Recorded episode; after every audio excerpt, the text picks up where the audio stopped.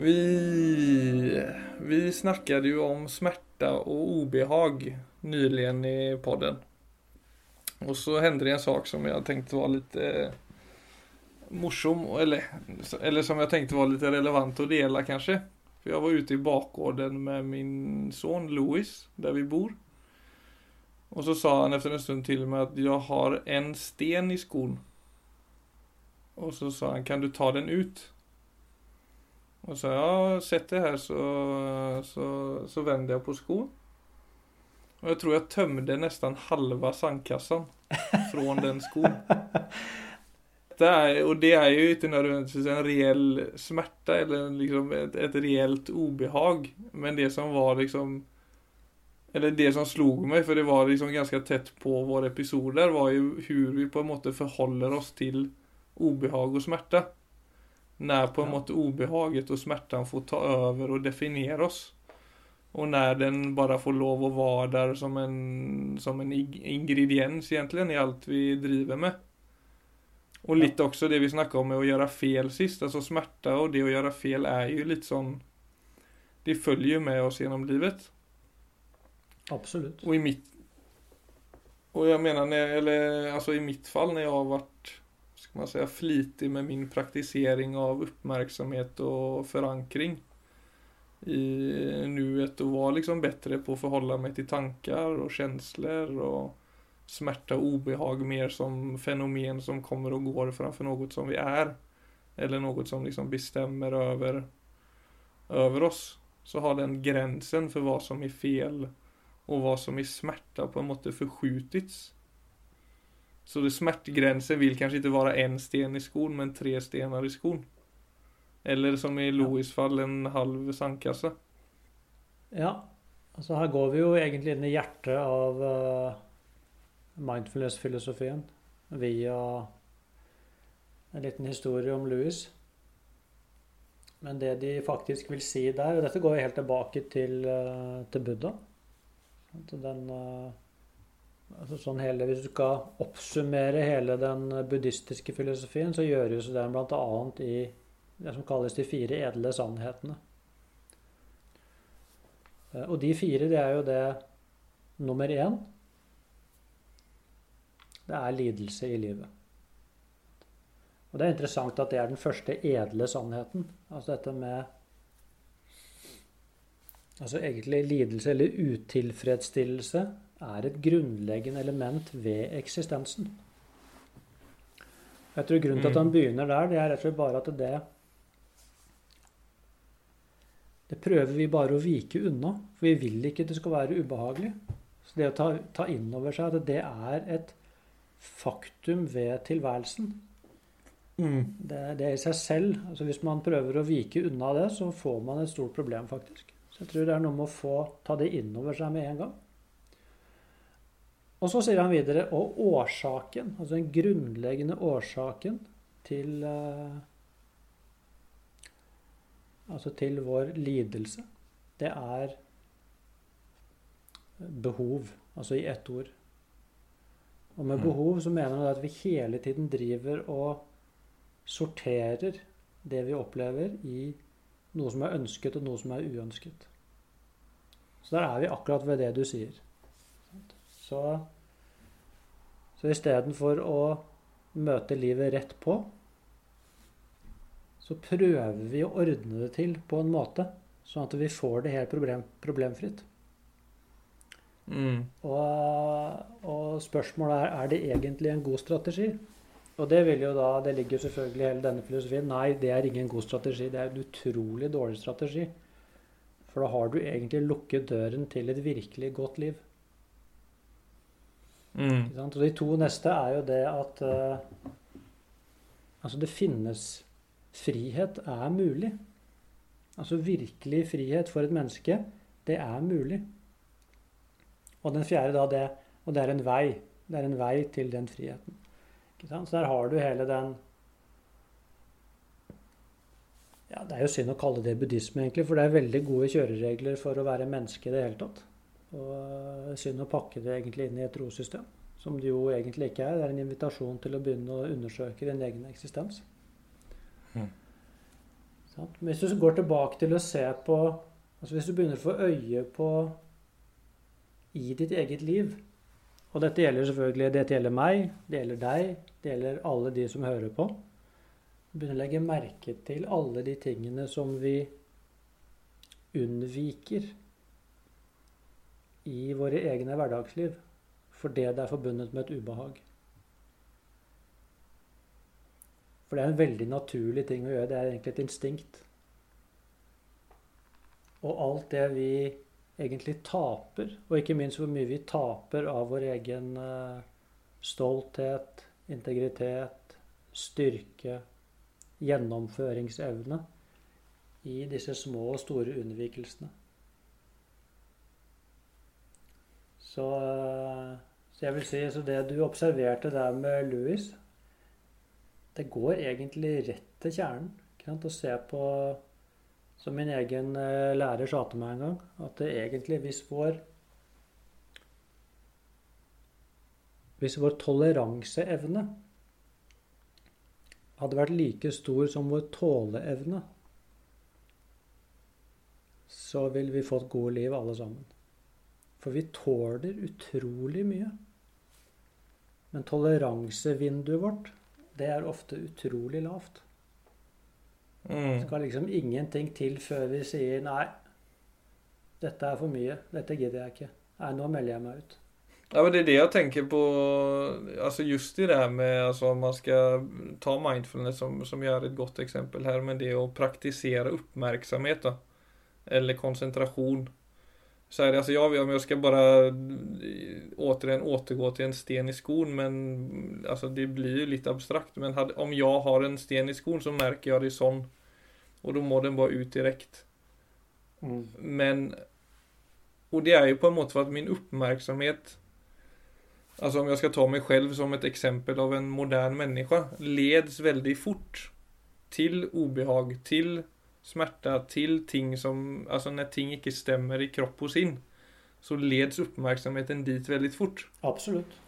Och det är ju någonting som jag har känt när jag liksom haft en, en regelmässig praxis av meditation för exempel eller eh, uppmärksamhetsträning om man, om man eh, använder det ordet. Men att du, du blir mycket mindre benägen till att vandra med uppmärksamheten til også uønskede plasser. Da. Altså, du snakket jo om at det er viktig å møte smerte.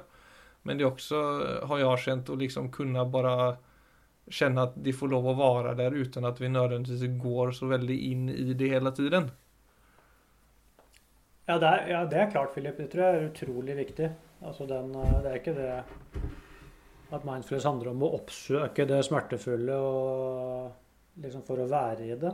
Tvert imot, egentlig. Så det er veldig viktig at du sier. Altså det er jo egentlig akkurat det Louis gjør. ikke sant? Han er jo, Hvor er hans oppmerksomhet? Den er jo i leken. Så at han har et tonn med stein i skoen, altså han kjenner det på én måte, men samtidig kjenner han det ikke. For han er opptatt av noe som er viktigere ja. enn det lille ubehaget. Ja, det er nettopp det. Eh, ja, og der er det jo selvfølgelig, som vi snakker om dette med, med smerte og det å måtte akseptere at det er et faktum og ikke rømme bort fra det. Men det er klart, det blir egentlig ikke meningsfullt i et liv før du Altså før du begynner å finne ut med deg selv at det er noe som driver deg, som er viktigere enn dette øyeblikkets velbehag. For det er klart, hvis ikke du er i kontakt med at det er noe ved ditt liv som er viktig, at det er noe som er viktig for meg å utføre, at jeg får brukt evnene mine mm. og talentene mine, og egentlig styrken min, på, på rett sted. Det er klart mm. det er utrolig viktig. Mm. For at det, hvis jeg ikke er i kontakt med altså lidenskapen i livet mitt, så er det klart at toleransen min for smerte blir mye lavere. For det blir meningsløst. Mens i det øyeblikket vi får koblet oss på For et barn så vil det være leken. Mens eh, for oss voksne så blir det jo Ja, det som er verdt Det som er verdt eh, konsentrasjonen min, det som er verdt fokuset mitt, det som er verdt å bli sliten for. Mm. Og det er klart, det er det jo mange mennesker som ikke som ikke til enhver tid er i kontakt med. Og jeg tror det er et stort problem i verden i dag, er jo den meningstomheten som uh... Nei, og jeg kjenner jo at det går også litt hand i hand. For jeg merker det, altså konsekvensen for meg når jeg mediterer og på en måte klarer av å samle meg, er jo ofte at jeg klarer av å se hva som er viktig for meg. Altså det, det är det som jeg kanskje setter allra mest pris på, alltså i det eh, dagliga livet der det er mye intryck og det er mye tanker og det er mye känslor så kan det være svårt å navigere seg og komme i kontakt med det som er viktig og man kan til og med landa i en slags tomhet eller meningsløshet som du snakker i. For at det blir på en måte for lite du, du har en for lite samlad känsla av deg selv i, i slutändan. Och, och, det är där jag känner det att, vi har ju varit inne på det tidigare också, det där med okej, okay, alltså i skolan så är det ingenting som heter mental träning eller ingenting som heter uppmärksamhetsträning. Och så som det får man finne ut när man blir äldre, men så, alltså jag kan ju på ett plan kan jag inte helt se mig själv leva på en konstruktiv måte utan att bruka tekniker for å just samle meg. Og det er jo individuelt, men sånn som for min del. Men altså, det er noe med det å være så utsatt for så mye eksponering av inntrykk og impulser, og ikke gjøre noe for å bare komme på plass. Da, blir, da havner jeg fort i det du snakker om, den der tomheten. Men det er, så det er å meditere i passivt, det er liksom, for meg er det 100% aktivt. Jeg kjenner meg som, altså I den stillheten så kjenner jeg meg som mest levende også. Og jeg kjenner meg ja. som mest på en måte aktiv i tankeprosesser og eventuelt framtidige handlingsprosesser. Ja, klart. Det er jo ingen som eh, mediterer seriøst som ville finne på å kalle det for en uh, Altså for uh, en passiv handling. Det er klart Det er bare fordi det Altså, vi hvis man tror man bare er 80 kg med kjøtt, og det kjøttet sitter stille, så er man per definisjon passiv. Altså, altså på, på ett plan så er det passivt. Kjøttet er passivt. Men det var den andre, de, de andre Jeg vet ikke om kjøttet er egentlig så passivt heller, men det, i hvert fall, det holder seg i ro. Det holder seg i ro akkurat da. Ja da, det, det, er klart. Nei, men du sier jo noe veldig viktig der, selvfølgelig. Også, for det første at selvfølgelig meditasjon er jo Eh, faktisk veldig krevende. For det krever jo nettopp å være på plass, og ikke bli med alle de inntrykkene som dukker opp fra øyeblikk til øyeblikk. Så, så, det krever faktisk mye Det krever jo konsentrasjon, og det vet vi alle sammen. Konsentrasjon, det er eh, absolutt ikke passivt. Men kan du si en greie om det snabbt, Viggo? For for det har jeg snakket med deg tidligere om, og det er også sånn det er mange som kan si at det å løpe er min meditasjon, eller det å være i skogen er min meditasjon. Men du har jo, du har jo visse innvendinger på just de begreppen der. Skulle du bare kunne sånn For når jeg ja, snakker om meditation så er det mange som skulle kunne si ja, men det du gjør når du på en måte samler deg, det gjør jeg når jeg løper, og så videre. At, ja. at det blir fort at man jamfører eller sammensetter om alle mulige sånne velbeha... Eller hva skal man si helsebringende metoder. Ja. jeg tror det er veldig vanlig å Altså det er veldig vanlig å tenke at når du mediterer, så finner du Altså du finner ro. Så du faller på plass. Så det er eh, Og det kan man selvfølgelig gjøre på mange forskjellige måter. Så men det er klart det er mer til det som kalles meditasjon, enn eh, altså enn å komme i den sonen. Så det er der jeg ikke er så begeistra for de som sier at min meditasjon er f.eks. å strikke eller å trene, eller for, hvorfor det? Jo, for der får jeg tømt hodet, og jeg får slappet av, og jeg får sortert ting. Uh, og det er ikke fordi at det er uh, altså, Det er selvfølgelig helt supert, og det er også paralleller der. Men du vet, det er Altså noe av det som det som virkelig kjennetegner meditasjon, altså som en praksis over tid, det er jo det at man får eh, Altså nummer én, det roer seg ned. Nummer to, man blir plutselig et vitne til sitt eget sinn. Man blir et vitne til uh, sin kropp, og man blir et vitne til sitt sinn. Og i det, i det å plutselig være et vitne, ikke være midt i all denne trafikken, det er et veldig, veldig altså potent sted å være. Og så det å få den Og i det så legger selvfølgelig også å få en dypere kjennskap inn i altså hva sinnet egentlig er. For det er det første som skjer. Du får litt avstand til ditt eget sinn. Så det betyr jo da at i som vitne så gir det meg en anledning til å rydde opp i mitt eget sinn. Så det er det første som skjer. Mm. Eh, og det er det selvfølgelig også mulig å gjøre på andre måter enn med meditasjon. Mens det neste som skjer videre derfra, det blir jo da Hva er dette som vitner? Hva er egentlig det for noe? Og der kommer vi inn i selvfølgelig et helt annet landskap. Da kommer vi inn i det som Altså hvor ordet Altså, du vet body, mind, spirit. Da er vi inne i det nivået som kalles spirit.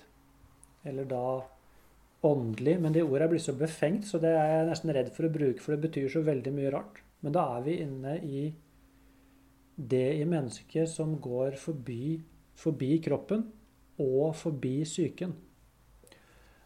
Og det får du ikke gjennom altså disse restitusjonsaktivitetene som vi stort sett bruker. Så folk sier sånne ting fordi mm. de altså, Ja, fordi ikke de vet hva De vet ikke hva meditasjon er som en egentlig som en kunstform. Jeg må nesten si det sånn. Det er et ganske stort lerret å bleke. Ja. Og jeg tror uh, nettopp også fordi vi er uvitende om det, så blir det ofte avvist som noe sånn ja, passivt, eller ja, man sitter bare der og slapper av, man sitter bare og puster litt. Mm. Det er uh, Det er virkelig, virkelig langt på siden av hva meditasjon er som en aktivitet. Hvis, man, hvis det ikke faller seg naturlig for en å meditere, da Hvordan tenker du man ändå kan nærme seg de innsiktene som du snakker om der? Eller den, det settet å forholde seg til livet på? Ja, altså Jeg er jo ikke eh, av den oppfatning at meditasjon er for alle. Dette er noe alle burde drive med. Så det er klart vi har Heldigvis så har vi jo altså prinsipiell tilgang på oss selv. Heldigvis. Så det kan ingen ta fra deg. Men, uh, tror det jeg snakker om Det jeg snakker om er at, altså det vi trenger, og det vil jeg si det trenger vi alle sammen. Vi trenger eh, en eller annen sone eller et eller annet rom eller en aktivitet, kall det hva du vil, hvor det er så Hvor sansene mine ikke trekkes utover i en eller annen aktivitet eller et gjøremål. Altså et eller annet hvor det er rolig, og hvor jeg kan begynne å forholde meg til meg selv. Mm. Uh, og det er selvfølgelig fullt mulig å leve et liv uten noen gang å oppsøke de sonene. Men for det jeg snakker om her, så vil ro Ro er en nødvendighet for å Egentlig for å begynne å skille mellom det som er uh, autentisk meg, og det som bare er tillært. Så vi snakker jo om noe som er som er Vi snakker om noe som er dyptgripende her. Og hvor jeg, hvor jeg på en eller annen måte må komme så nær meg selv at jeg kommer i kontakt med egentlig de følelsene hvor jeg kjenner hva jeg skal gjøre. Jeg kjenner hva som gir meg liv. Og jeg kjenner hva som gir meg mening. Og det er så sterke følelser. Vet at det vi, snakker, det vi begynte å snakke om, altså alle de tingene som gjør litt vondt, og som er litt ubehagelig, og som er skummelt og, og ikke bare det som er litt ubehagelig, det kan være ting som er veldig skummelt. Men allikevel så ligger kraften der til å gå igjennom alle de hindringene. Så, så, jeg er veldig glad når du sier at det er det meditasjonen handler om for deg, at du må falle til ro. For å komme i kontakt med det som du kjenner er virkelig viktig. For der kommer engasjementet ditt, og der kommer kraften din, og der kommer også livsgleden. Og der kommer også det som skyver de andre tingene bort. Som kanskje kan være morsomme, og de kan være fristende, og de kan være fulle av, av veldig mye. Men det er ikke det som gir dyp mening for deg. Og der er roen helt fundamental. Det er faktisk helt utrolig viktig. Ro er så viktig for oss. At mm. hvis det bare er uro, så finner vi ikke oss selv. Ja, for det er interessant det du sier med fristelser og den type ting også, som på en måte er på den kanskje positive skalaen. Om man ser bort fra smerte og ubehag, så er det også noe som er For å återgå til det å komme i kontakt med ro, da. Altså rett før egentlig vi gikk inn og podde her, så var jeg veldig sugen på å ta en lakris. Vi har liksom rester, rester fra påsken i skåpet. Som jeg er helt idiotisk dårlig på å holde meg borte ifrån. At jeg liksom går og fingrer der etter hver måltid, opplever jeg. Men jeg har en ganske sånn känslig mage, sikkert av stress og alt mulig annet drit. Men at jeg Ja, tar jeg den, så går det bare dårlig. Jeg har spiser Jeg tar ikke én, utan jeg tar jo flere stykker, så klart. Og så ligger så har jeg sitter jeg i sofaen og ser på serier og bare føler at kroppen mår, mår shit. Men det ja, det gjorde jeg ikke. Og så satt jeg med her og mediterte innan vi poddet nå, og så kjenner jeg det, bare for å si det du sier, med ro. Jeg kan også kjenne på det som en veldig sånn tydelig kompass. For det blir så tydelig for meg at da når jeg faktisk får ro, som ikke er passivt, utan veldig aktivt for meg, som jeg sa tidligere, men en behagelig, så klart, men så klart behagelig, så ser jeg det at den lakrisen Det er klart fint å ta den noen gang i ny og ne. Det betyr ikke at jeg skal leve som en sånn eh, Altså helt eh, Helt eh, superrigid. Men at jeg ikke tar den mer ofte enn sjelden. Det er langsiktig så mye bedre for min kropp. Eller lakrisbitene, eller sjokladbitene. Mm. Men det er jo der liksom den så det där suget som vi har, det at vi liksom vill liksom åt ting hele tiden. Som på en måte mm. bare skaper en sånn digg følelse der og da. Ja. Men så, og som er som, ja, som jo så klart sikkert flere enn meg som faller for veldig ofte. Så kanskje man kjenner på at man gjør det for ofte uansett hva det er. Eh, men det, er, det blir så tydelig når den roen får ta litt plass og träda fram. Absolutt. Så ser man liksom det, både den tilfredsstillende det er, og shit, jeg kan ha det helt fint uten å putte i meg masse ting. Altså det ja. er noe i meg som har det bra uten å behøve stimulere masse greier. Som jeg også Absolutt. tror kan være vanskelig å være i kontakt med til tider. Ja, altså, det er mange ja, nivåer der på en måte, men eh, återigen kanskje viktigheten der som du sier, å skape seg selv litt tid for å få de perspektiven.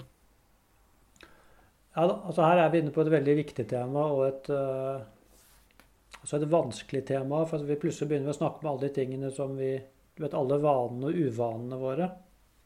Og så er det noen som tror at mindfulness handler om at man skal kan bli flink til å slutte å spise lakris og potetgull og drikke brus og se på TV og sånne ting. Som jo ikke er helt usant. Men det er ikke det at det er noe poeng at de tingene blir borte heller.